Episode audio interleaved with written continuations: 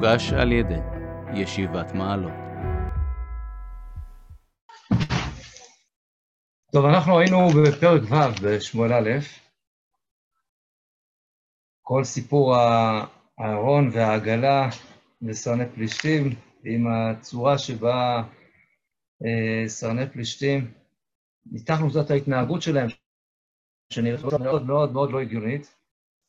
אה, שוב ושוב הם חושבים, אולי כל הדברים שהתרחשו, כולם היו במקרה. ושאלנו איך זה יכול להיות, איך במקרה, כאלה דברים נוראים קרו, איך זה במקרה. ראינו את uh, סרני פלישתים, שהם uh, ממשיכים ללכת וללכת וללכת, כאילו עד שהם מגיעים ממש לגבול בית שמש, עד אז הם לא מאמינים למראה הפלאי שהם רואים, הם עדיין חושבים שזה מקרי. והסברנו את זה למצרים, הסברנו לעמלק, כל מה שקשור בעניין הזה, אני נזכיר ברגע, עברו כבר שבועיים, ואמרנו שהנקודה, הם לא היו טיפשים בכלל, אנשי אה, הפלישתים. כן? זה לא שבהכרח הם היו שם כולם אה, צדיקים גדולים, זה ודאי שלא, אבל אה, הם הכירו בכוח של אהרון, של אלוקי ישראל, נתן זה ודאי כוח רציני מאוד, אבל מוגבל, כמו כל האלים שלהם להבדיל. וככה הם רואים אותם כאלים עם כוחות. ולפעמים הם מצליחים, ולפעמים מצליחים פחות.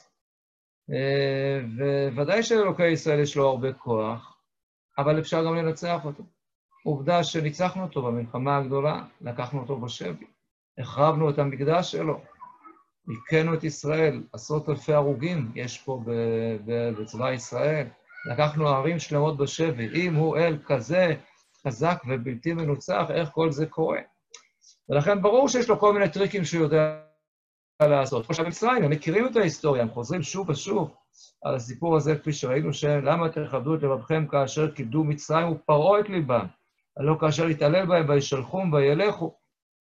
אבל שם זה בדיוק אותו עניין, גם שם, ודאי שלישראל יש כוח גדול לאלוקי ישראל, והוא הוציא אותה במצרים, אבל זה היה לאחר שנים רבות מאוד של שעבוד קשה, וגזרות נוראיות, וכל הבן היאורה תשליכו. אז איפה הוא היה כל השנים הללו? אמרנו, כן, איפה היה אלוקים בשואה? אז לכן הם מבינים, התשובה שהם נותנים, יש, יש הרבה אלים. גם דגון הוא אל חזק, וזה גם מסביר את, ה, את ההתנהלות המוזרה שלהם מול דגון. הרי לכאורה כשמביאים את הארון אל דגון, והם באים, משכימים בבוקר, ודגון נופל לפניו, אז מה, מה הם, למה הם עכשיו שמים את דגון, מקימים אותו מחדש, מחזירים אותו למקומו? מה, הם טיפשים? לא, כי הם חייבים מבחינתם הרבה לדגון. זה שרק אתה חזר ממסע ניצחון מדהים על צבא ישראל עם אלוקי ישראל. אז זה נכון שעכשיו הוא חטף איזה מכה, אפילו מכה, מכה לא נעימה, אבל אנחנו מחזירים אותו למקומו. לא אמרנו שדגון הוא לא מנוצח, אבל גם אלוקי ישראל מנוצח, ובינתיים, בגדול, לכאורה ידו של דגון על העליונה, וזו הסיבה שסרני פלישתים ממשיכים ללכת עד שהם מגיעים ככה עם הפרות שהולכות וגואות, לא שרות ימין ושמאל, עד שהם מגיעים לדמש. ולפני כן הם, הם לחלוטין, לחלוטין לא, לא מוכנים לחזור ולוותר. טוב, אז זה מה שאמרנו בקיצור נמרץ.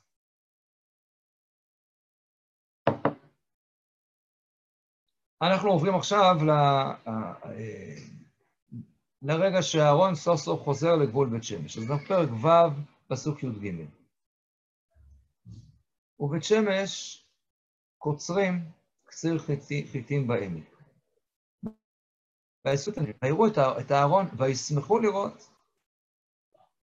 והעגלה באה אל שדה יהושע בית השבשי, ותעמוד שם, ושם אבן גדולה, ויבקעו את עצי העגלה, ואת הפרות העלו עולה להשם.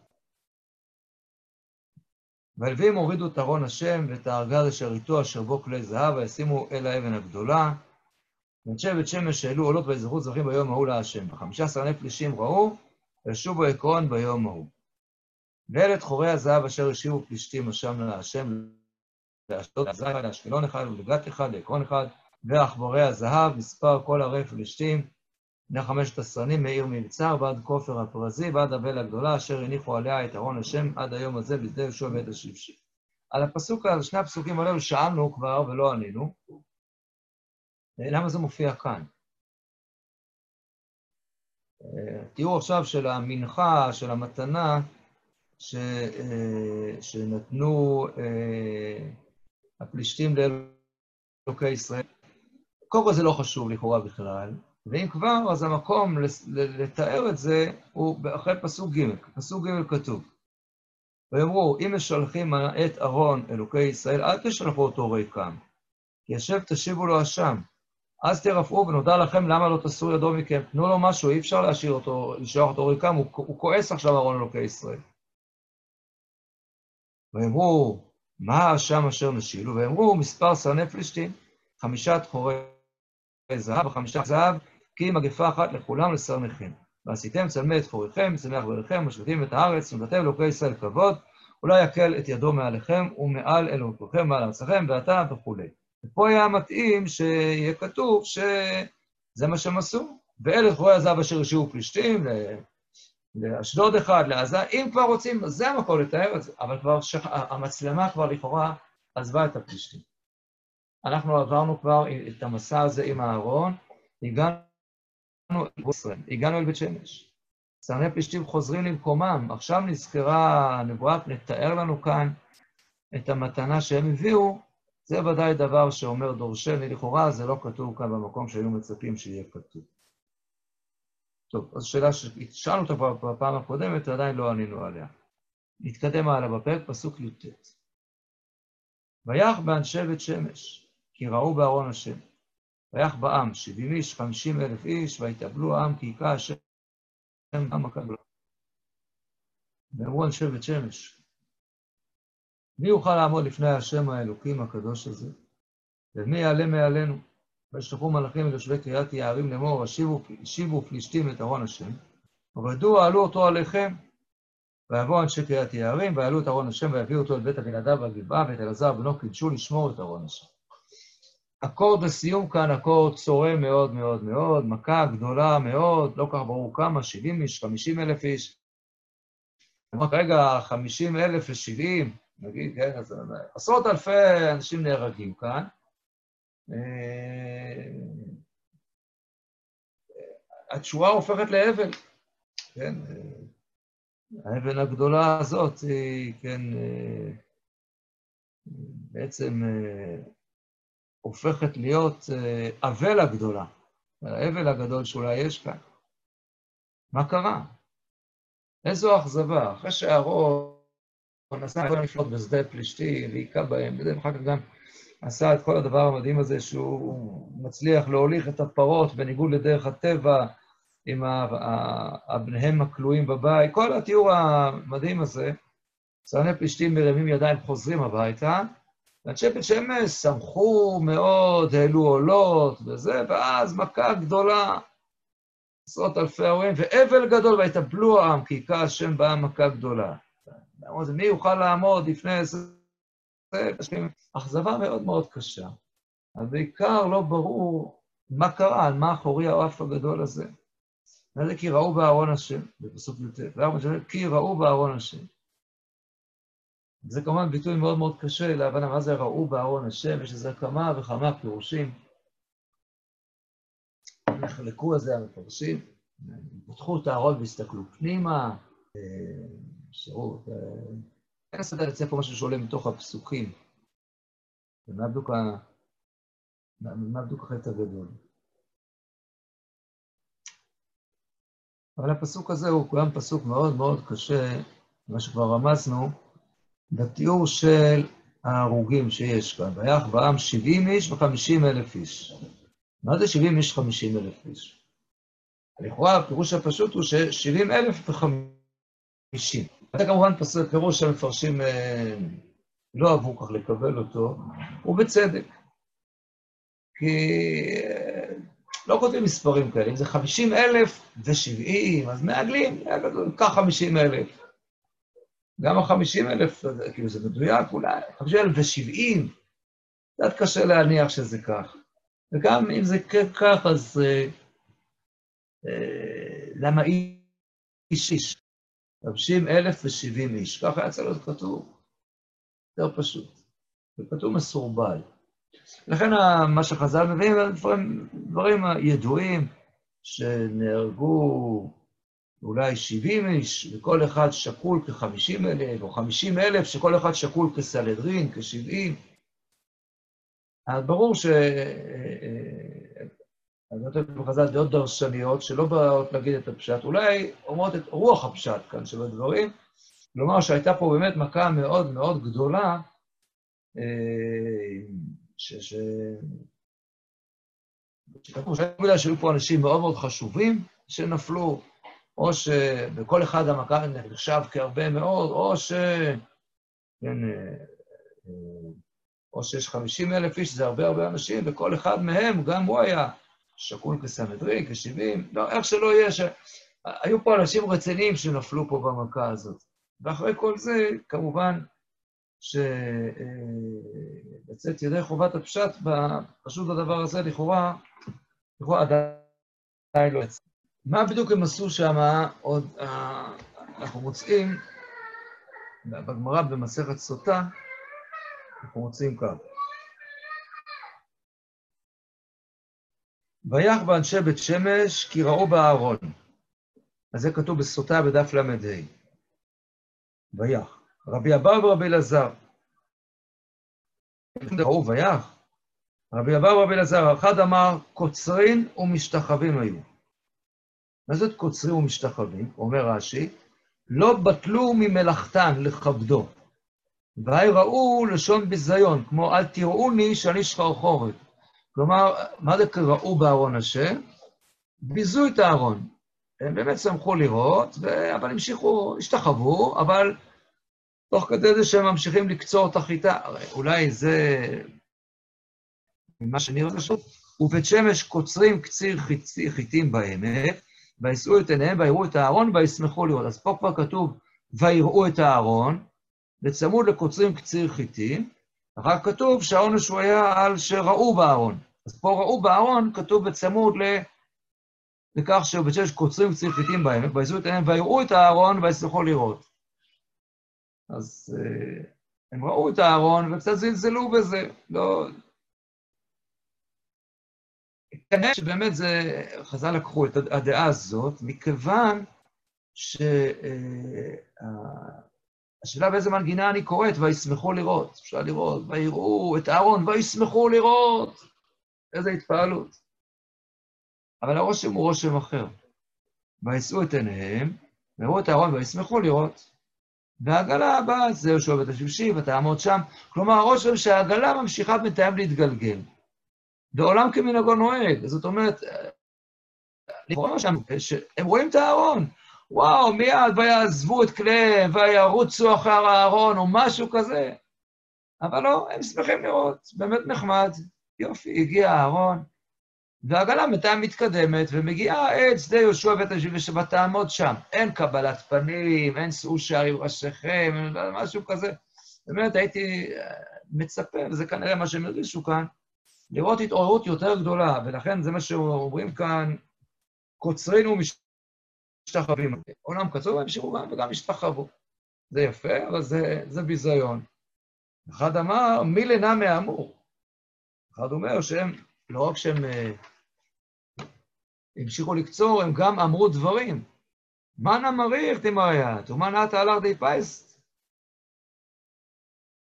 מנה מריך די אמרית, אומר רש"י, מי הכניסך שכעסת ולא הצלת את עצמך מן השביה? ואתה מפייסך שהתפסת לבוא מאליך. כן? מה קורה לאהרון? מה כעסת כל כך, ככה, ש...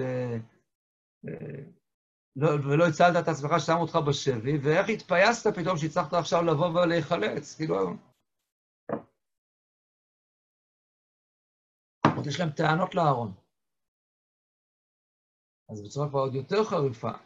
השאלה מאיפה הם לקחו את, ה, את, ה, את הפירושים הללו, שקצת נראים ככה, להבין אותם מאיפה, אז קצת אמרנו מה, מהאווירה, אבל אנחנו נראה בעצם אולי מאיפה באמת הדבר הזה לקוח. ואז מביאים את שתי הדעות, מה זה 70 איש, 50 אלף איש, או 70 וכל אחד שקול כנגד 50 אלף, או 50 אלף וכל אחד שקול כ-70, בסנהדרין. הפסוק הזה, אמרנו, פסוק י"ט, הוא באמת מאוד מאוד קשה, בסרבול שלו. יש, אני תמיד אוהב להגיד, זה ככה, של הפיקנטריה שבעניין, זו הצעה ש... הביא בביקורת המקרא, בגלל לפתור את הקושי הזה. זאת אומרת, צריך טיפה לשנות פה את ה... כן, כדרכם של הביקורת, קצת מוחקים, קצת מזיזים, ככה אם לא מסתדר בדיוק. אז הפירוש הוא, פסוק י"ט, ויח באנשי בית שמש כי ראו בארון השם ויח, והעם, שבעים איש, צריך לקרוא את זה, סב עם איש. כאילו הייתי אומר, מנער ועד זקן, מזקן ועד נער. תודו, הברקה יפה מאוד. שבעים, אל תקראי שבעים, אלא סב עם איש. ואז במכה אחת הורדנו את הקושי, כי אין פה את המספר 70, אז יש פה רק 50 אלף איש. סב עם איש. הברקה יוצאת מן הכלל יפה, כמובן שהיא טיפשית. לא כתוב דבר כזה, כאן כתוב 70 איש, לא כתוב סב עם איש. ואנחנו לא מכל קושי שיש לנו, אנחנו מוחקים, מוסיפים, גורעים, זה לא עובד ככה. חוץ מזה שגם הביטוי סב עם איש, זה נשמע מאוד תנכי, אבל זה לא, זה לא ביטוי תנכי בתנ"ך. אנחנו לא מכירים מנער ועד זקן, ואנחנו לא מכירים לו ביטוי כזה, סב עם איש, כן, זה לא מה שכתוב כאן. אני רק מביא את זה בשביל להגיד שבאמת, אה, כמה קשה פה לתת אה, פירוש טוב לעניין הזה. באמת יש גם, גם קושי גם נוסף, ויח באנשי בית שמש, קראו ויח, למה ויח, ויח? מה, הייתה פה מכה אחר מכה? פעמים כתוב פה ויח.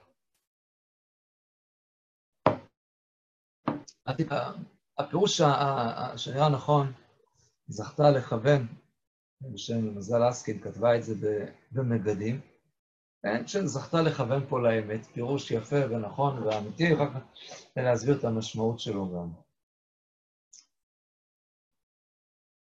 אה, כבר הסברנו הרבה מאוד פעמים, הבאנו דעות לפסוקים שצריך לקרוא אותם בצורת קריאה אחרת. כן, אה, אה, את הדוגמה שהיא מאוד נוחה, חזרנו עליה כבר הרבה מאוד פעמים, כתוב בהלל שאנחנו אומרים בתהילים, ניקה השם אלוקינו המקביל לשבת, המשפילי לראות בשמיים ובארץ. וזה פסוק קשה. מה זה המשפילי לראות בשמיים ובארץ? המשפילי לראות בארץ, אני מבין.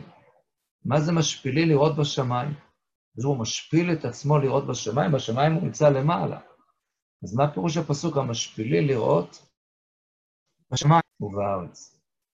אז הפירוש המקובל לדבר הזה, והוא גם פירוש נכון, שאכן כן, אצל הקדוש ברוך הוא, שהוא גבוה מעל גבוה שומר, אז אפילו השמיים, גם השמיים, זה אצלו נקרא להש... לרדת.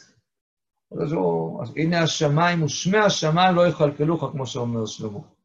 אז הקדוש ברוך הוא, גם על השמיים אפשר להגיד שהוא יורד, הוא יורד, שמידות על השמיים. אפשרי, זה נכון. אבל זה לא חלק, כי בדרך כלל הקדוש ברוך הוא כן נקרא שהוא בפסוקים, הוא יושב בשמיים, יושב בשמיים משחק, ועוד הרבה פסוקים ששם משהו משהו, הוא כן, בשמיים הוא כן נמצא שם למעלה, הוא לא משפיל לשמיים. למרות שהשמיים זה דבר שהוא אינסופי, בצורה פשוטה אז. להיות נמוך כל כך. אלא שאת הפסוק הזה צריך לקרוא בהתאמה. הפסוקים כתובים כאן כמו במין תקבולת כזאת. מי כהשם אלוקינו? מה? המגבהי לשבת, המשפילי לראות. בשמיים ובארץ. אני מקווה שבחלון הקטן הזה אתם צריכים לראות גם את הידיים שלי. רואים? מי כאשר אלוקינו המגבהי לשבת, מצד אחד, המשפילי לראות. חוזרים לצד הראשון, בשמיים ובארץ. ואז צריך לקרוא את זה כאילו כתוב, מי כאשר אלוקינו המגבהי לשבת בשמיים, המשפיעות בארץ. זה כתוב בהתאמה. צריך לחלק את הפסוק בצורה הזאת, לקרוא את זה בהתאמה. יש לנו לא מעט פסוקים כאלה, ואז הפרשנות הזאת פתאום פותרת את כל הבעיות, הרבה בעיות. ואז הקדוש ברוך הוא לא כתוב שהוא משפיל לראות בארץ, אלא משפילי זה רק בארץ, לא בשמיים. מגביהי לשבת זה בשמיים, משפילי לראות זה בארץ. אחרי שאנחנו רואים שדברים כאלה קיימים, ואפשר להביא עוד הרבה דוגמאות, אנחנו תמיד צריכים לשאול את עצמנו מה זה ככה. למה לא לכתוב ישר מי כאשר אלוקינו מגביל לראות בשמיים ומשפיל לראות בארץ. למה לכתוב את זה בצורה כזו? אז תמיד הצורה הזאת שבה זה כתוב, היא גם מרוויחה לנו פירוש נוסף. בין היתר, מה שאמרנו קודם, שבאמת מבחינה רוחנית, הקדוש ברוך הוא, האמת היא שזה נכון, שאפילו השמיים בשבילו זה המשפילי לראות. זה גם נכון. ייתכן גם לתת פירושים אחרים, מדוע זה נכתב שם כך. אומרת דוקטור מזלסקין, שזה הפירוש אצלנו בפסוק. תראו, יש קושי עצום בפשט, מבחינת האמת ההיסטורית. ניקח את אנשי בית שמש. אני לא חושב שבבית שמש היום, אני לא יודע, אם יש 50 אלף איש, אולי כולל רמת בית שמש, בוודאי שכן, אבל בית שמש. איך הייתה בבית שמש של אז 50 אלף איש? קשה מאוד להניח שיש דבר כזה. זה לא, זה לא ריאלי. הייתה עיר כל כך גדולה, 50 אלף זה המון. הרבה מאוד. נשמע קצת רחוק. לכן צריך לקרוא את הפסוק בהתאמה. ויח באנשי בית שמש קראו בארון השם, ויח בעם. 70 איש, זה חוזר לאנשי בית שמש, 50 אלף איש זה בעם. לא סב עם איש ולא כל מיני המצאות אה, מן הסוג הזה. אז כאילו כתוב, ויבא שבט שמש, קראו בארון השם 70 איש, ויח בעם 50 אלף איש. ואז הפירוש הוא שויח בעם 50 אלף איש, פירושו של דבר יש כאן עכשיו סיכום כולל לכל מה שעם ישראל פה חטף במערכה המתמשכת מול הפלישתים. ואז זה מאוד מסתבר, כי ראינו שתי מערכות. במערכה הראשונה נהרגו כארבעת אלפים איש, ובמערכה השנייה, אחרי שכבר אהרון הגיע בחופני ופנחס, נהרגו עוד 30 אלף איש. זה כבר 34 אלף לוחמים שנהרגו בשדה המערכה. אבל אחר כך ראינו מה הפלישתים עושים. הפלישתים באים וכובשים, משתוללים ולוקחים ערים שלמות. אני מזכיר שוב את מה שכתוב בפרק ז', פסוק י"ד. כשתגיע המלחמה הבאה, מלחמת הנקמה שאותה כבר יוביל שמואל, אז נקרא, ותשובנה הערים אשר לקחו פלישתים מאת ישראל לישראל, מעקרון ועד גת, את טיל ישראל מיד פלישתים. ערים שלמות רבות נפלו בידיים של הפלישתים. ואנחנו מבינים מה הפירוש שהערים נפלו בידיים של הפלישתים. תנסו חלילה לדמיין מה יקרה אם חלילה וחס, חלילה וחס, הייתה נופלת עכשיו איזושהי עיר יהודית בידי הפלסטינאים היום. אז אנחנו מתארים לעצמנו איזה זוועות היו קורות שם, כמה היו נטבחים שם. אנחנו יודעים מה הפירוש הדבר הזה. אז כמה אנשים נהרגו בשדה המערכה, והייתה מנוסה גדולה, גם נס ישראל, כפי שמתואר שם בפרק ד'. וכולם ברחו, והמרדף של הפלישתים, יכול להיות שנהרגו עוד, עוד חיילים רבים, לא במערכה, אלא במנוסה שלהם עוד הרגו אותם. והרגו עוד ילדים, וזקנים, ונשים, ו... ובסופו של דבר, כל האירוע הזה מסתיים בעם 50 אלף איש. באנשי בית שמש היכה 70 איש. זה כבר מספר ריאלי, זה מקום לא גדול מיוחד, וזה עדיין. והפסוקים פה כורכים את הכל ביחד. ובעצם מה שרוצים הפסוקים כאן לומר, שזו אותה מכה, אותו רעיון, אותו חטא, אותה נפילה, אותה טעות נוראית פה של כולם. אז עוד מעט נסביר, קצת יותר. רב, מה זה משנה ש-70 אלף, אה, סליחה, ש-70 נפלו בבית שמש? אמנם זה המקום המתואר, אבל מה אכפת לי? לא, לא, זה ודאי, אלה שבבית שמש נפלו עכשיו בזכרון, עם החטא שעוד לא הסברנו מהו, כי ראו בארון השם. האחרים מתו לפני שבעה חודשים.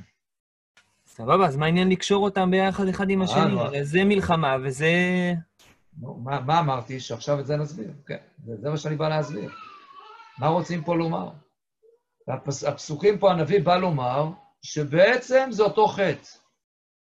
זה אותו חטא. ומה שגרם לעם ישראל ליפול במערכה ולחורבן הנורא ולחורבן המשכן בשבילו, כל הצרות שם, זה בדיוק אותו סיפור שקרה להם כאן, שראו בארון השם. ננסה להסביר את זה.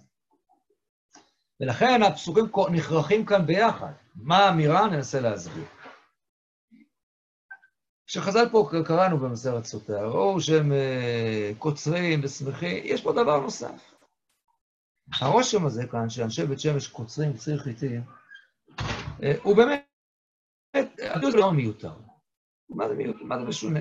ואם לא היו קוצרים קציר חיטים, אלא הם עכשיו, אה, הם בדיוק ישבו בין מנחה לערבית בברזלים. מה, מה זה משנה? אבל באמת לא, אין, אין לזה משמעות. מה שזה בא לומר, זה בא לומר בצורה הראשונה, להכניס אותנו לאווירה הפסטורלית והשגרתית לחלוטין שבה ישראל נמצאים. אני רוצה לומר, אנחנו נמצאים פה אחרי חורבן הבית, חורבן משכן שילה. ונמצא שבעה חודשים בשדה פלישתים, ואנחנו לא רואים שעם ישראל נוקפים אצבע. זה לא מעניין אותם. אף אחד לא מעלה בדעתו לעשות משהו. אז אני מתאר לעצמי שבהתחלה, בשבוע הראשון, בחודש הראשון, עדיין ההלם והתדהמה. אבל מהר מאוד מתחילות להגיע השמועות, מה, מה קורה שם בשדה פלישתים? מהומת המוות שקורית שם אצל הפלישתים. עם אלפי, אולי עשרות אלפי הרוגים של הפלישתים. כתוב שהוא... הוא, הייתה מהומת מוות בכל העיר, כבדה מאוד יד האלוקים שם. זה אצל הפלישתים. אולי יקל את ידו מעליכם, מעל עליכם, מעל ארציכם, הלא כאשר יתעלל בהם. ותקחו, אולי, אולי הוא יפסיק כבר את ההתעללות הנוראה הזאת, את ידו הגדולה שהוא מכה בנו. מכה אדירה, ותעל שבת העיר השמיים, העיר הפלישתית, לא בישראל. כולם שומעים מה קורה שם. נו, אז, אז אולי כדאי ללכת להביא את הארון. אני מתאר לעצמי שייתכן אפילו שהפלישתים היו מאפשרים להם לקחת את הארון. אנחנו רואים שהפלישתים מפחדים מהארון, ראינו, כמו להבדיל תפוח אדומה לוהט, מי מוכן לקחת? מי מוכן לקחת? לא, אף אחד לא רוצה לקחת. היו באים עכשיו ישראל, ואומרים, אנחנו ניקח, ניקח את הארון, לפחות זה, קצת להשאיר את כבודם, מבחינתם. אבל לא, הם קוצרים. כשהארון מגיע, אז יופי. באמת הגעת, טוב שהגעת, יפה שנזכרת. איפה היית? יותר מחצי שנה אתה כבר לא כאן. והם קוצרים, הם ממשיכים, זה מה שהוא חז"ל, משתחווים וקוצרים. והדעה שלי אוהבת שאפילו הטיחו בו מילים. זאת האווירה כאן. ובעצם קורה כאן הדבר הנורא הזה, שההסתכלות האלילית הנוראית של הפלישתים על הארון, להרבה הבושה והצער וחילול השם הנורא שיש בזה, זו בדיוק ההסתכלות של בני ישראל, של עם ישראל על הארון. הרי זה בדיוק מה שקרה כשהם לקחו את הארון והוציאו אותו איתם למלחמה. הפסידו במערכה הראשונה. במקום לחשוב ולהבין, רגע, מה לא היינו בסדר? למה הקדוש ברוך הוא לא עזר לנו? הרי הם אומרים, למה נגפנו השם היום לפני פלישתים? הם שואלים עם ישראל, תראו רגע את פרק ד', פסוק ג', ויבוא עם אל המחנה. למה נגפנו השם היום לפני פלישתים? כנראה הם הרגישו משהו לא, לא טבעי קורה כאן. הייתה מגפה, ארבעת אלפים מתו מישראל, וכנראה שאף אחד מהפלישתים לא מת שם, לא נהרג שם. הרגישו משהו לא נורמלי קורה כאן. הם עושים חשבון נפש. מצוין, נכון? אמרו זקני ישראל, למה שם היום לפני פלישתים? אה, נקרא עלינו מפי שילה את ארון ברית השם, ויבוא בקרבנו, ויושענו מכף אויבינו. אוי ואבוי, איזה חילול השם. לא הבאנו את הקמע שלנו. צריכים להביא אותו, מה זה להביא אותו? אתם זוכרים שתיארנו שבתוך הזה, הוא, הוא לא היה הקמע היחיד שם. היו שם את כל הפסלים וכל העבודה הזרה שלהם, הערכנו כבר, אה, הוכחנו את זה, מלשון הפסוקים. אז מביאים גם אותו, גם את הארון, יופי. בדיוק כמו שהפלישתים מתייחסים לארון. איזה אל חזק, נכון, יש לו עוצמות, אבל מוגבל. הוא חלק מהמשפחה של האלילים פה באזור. אז עשינו שלא הבאנו אותו איתנו לפעם ראשונה, בואו ניקח אותו. זאת אומרת, זו התפיסה הישראלית כאן. היא בדיוק כמו התפיסה של, ה, של הפלישתים. ממש נורא. זה ביזיון שקשה לדמיין. חילול השם עצום. ואמרנו כבר שבעצם הביטוי של הכבד, כבוד, השאלה פה איפה הכבוד ואיפה הקלון. ראינו שלכאורה יש פה חילול השם כל כך נורא. שאהרון בשבי והמשכן נלקח, ויש צורך להשיב את הכבוד. יש ביזוי גדול לפלישתים, וכל הסיפור של העכברים והדחורים, התיאור המאוד מאוד לא סימפטי, והביזיון הגדול שלהם, זה להשיב את הכבוד לעם ישראל, לאלוקי ישראל.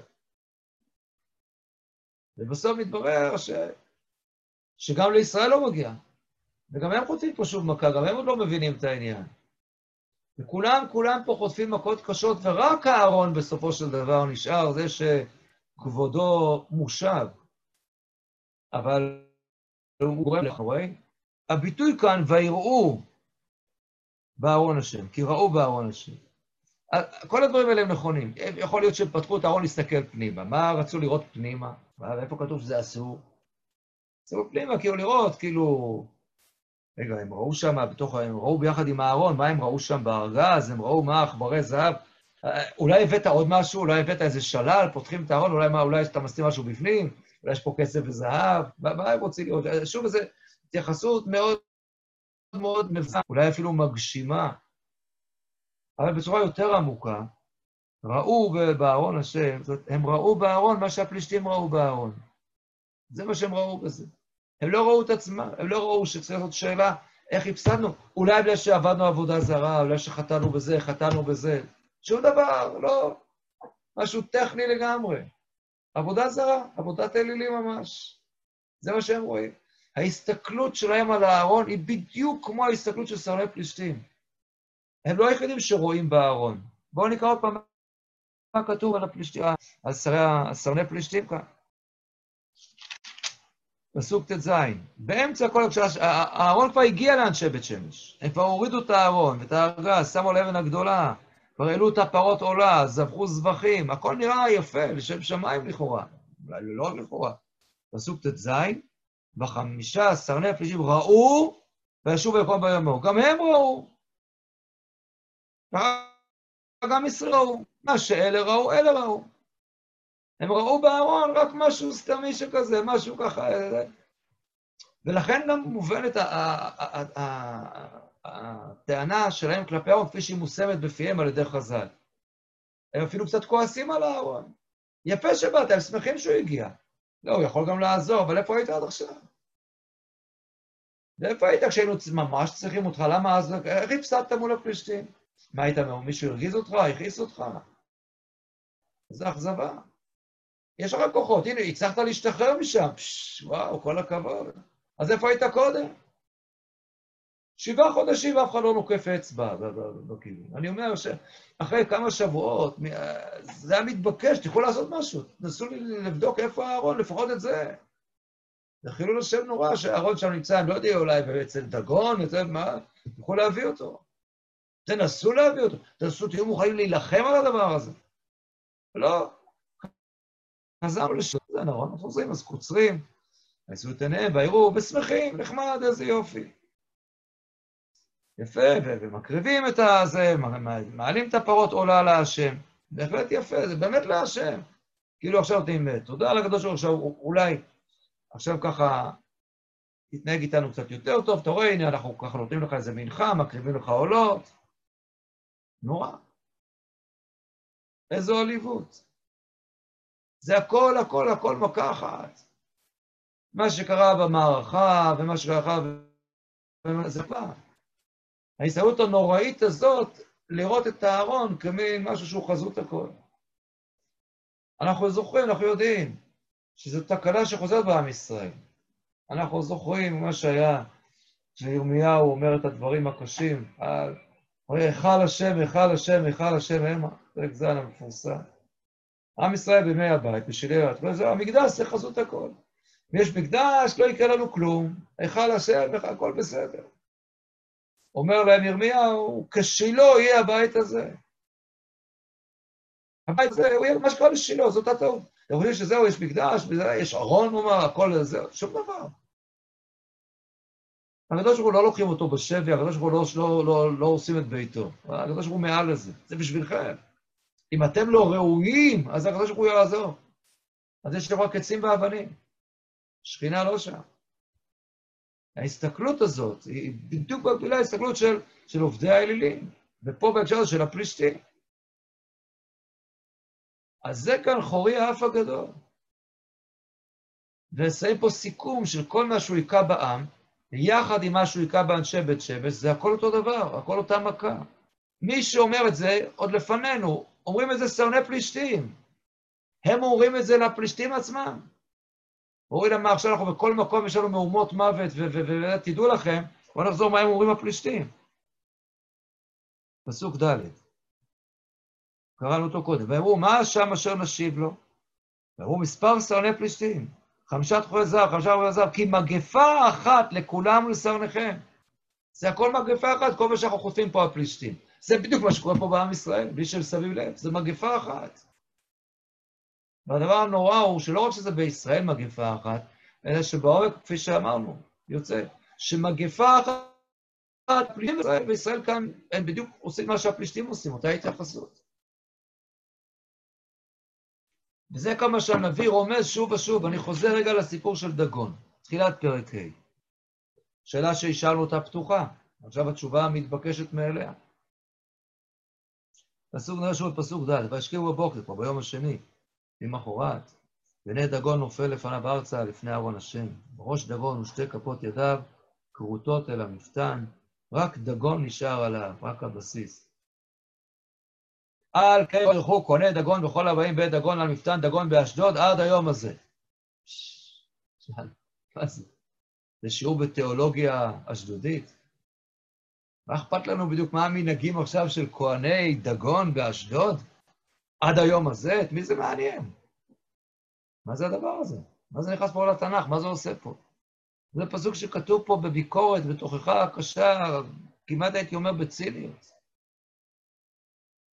זה פסוק שהצורה בו לקוחה מעל, כן, לא יאכלו בני ישראל את גיד אנשי עד היום הזה, או עוד כמה דברים שדומים לדבר הזה, מצוות של עם ישראל. ומה שנרמז כאן זה שלמרבה הצער, בשלב הזה כבר אין הבדל איך הדברים מתנהלים אצל, בבית דגון אצל הפלישתים, לבין איך שאתם, בדור הזה, איך שאתם מתייחסים. שוב אני מזכיר, אנחנו נמצאים פה בתקופה, בשלהי תקופת השופטים, שעם ישראל רווי בעבודה זרה. רווי בעבודה זרה. ויש גם דבר נכון, למה לא לקחו את הארון למלחמה בפעם הראשונה? אפשר להגיד שהם סמכו על זה, שהם הצליחו לנצח את הפלישתים? יכול להיות. מה שיותר מסתבר שהם סמכו על האלילים שהיו איתם שם. שהם מספיק טובים. כשהם הכזיבו, עכשיו צריך להביא את המגה-אל. את המגה-אליל מבחינתם. מביאים את הארון, עשו חשבון נפש. למה לא ניצחנו? למה השם עשה לנו את זה? כי הוא כועס שלא הזמנו אותו, היינו צריכים להביא אותו. נביא את הארון, עכשיו הכל בסדר. אוי ואבוי. זה בדיוק התפיסה הפלישתית. ולכן, באמת, זה מופיע פה כשעם ישראל מקריבים סוף סוף עולות לקדוש ברוך הוא, את הפרות עולה להשם, ואתם רואים? על הדבר הזה, ויזבחו זבחים ביום ההוא להשם, חמישה עשר עני פלישתים ראו וישוב בכל יום, ואחרי הזר שיש פלישתים עכשיו להשם. זה מופיע כאן בצורה מאוד מאוד מאוד ביקורתית וקשה. כמו שעם ישראל, בוא נגיד, כמו שהפלישתים הביאו את האשם, את העכברים, עם ישראל הקריבו את הפרות. אנשי בית שמש פה זה בדיוק אותה הסתכלות, אותה תפיסה. ולכן גם, גם אחר כך תראו את הביטוי שלהם, איך, מה, מה הם אומרים? ואמרו אנשי בית, אחרי המכה הגדולה, עיקר השם בעם מכה גדולה, זה בדיוק מה שהיה אצל הפלישתים.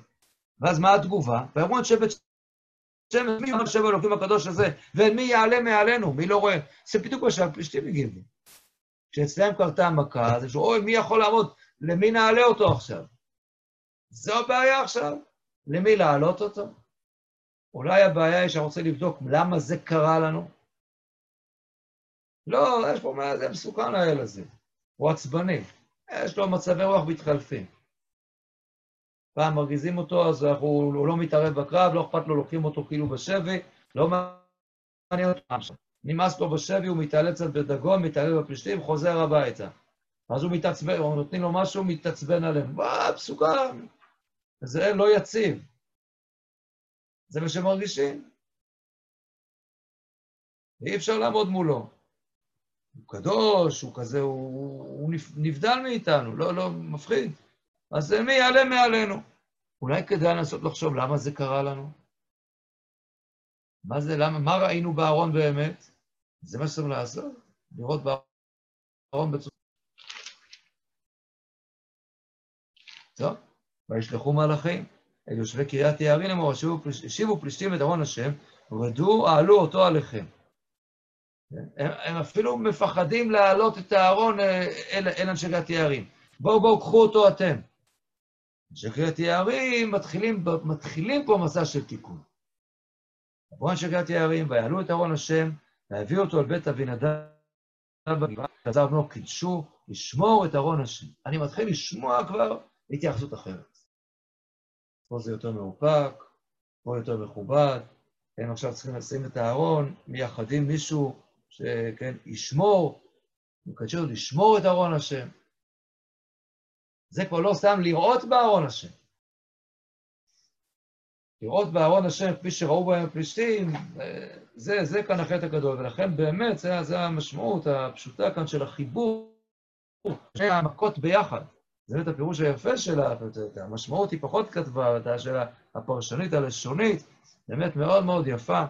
הפרשנות הזאת בפסוקים ממש עולה יפה, ויפה, ואנחנו אנשי בית שמש, קראו בארון השם 70 איש, ויח בעם 50 אלף איש. ויתבעו עם, כי היכה השם בעם, מכה גדולה. יש פה מכה מאוד מאוד גדולה.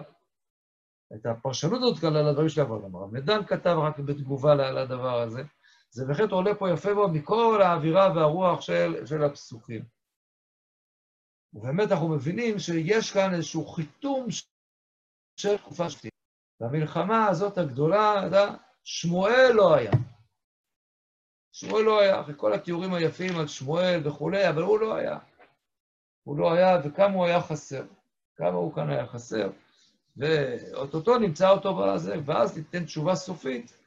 לשאלה שעכשיו אולי התשובה כבר כמעט מתבקשת, למה באמת שמואל לא היה באותה מלחמה? למה הוא לא היה במלחמה הראשונה, אחרי שתיאור גדולתו כבר והצלחתו מתוארים בצורה כל כך יפה, אבל אנחנו כבר ממש קרובים לעניין הזה, בעזרת השם, בשיעור הבא.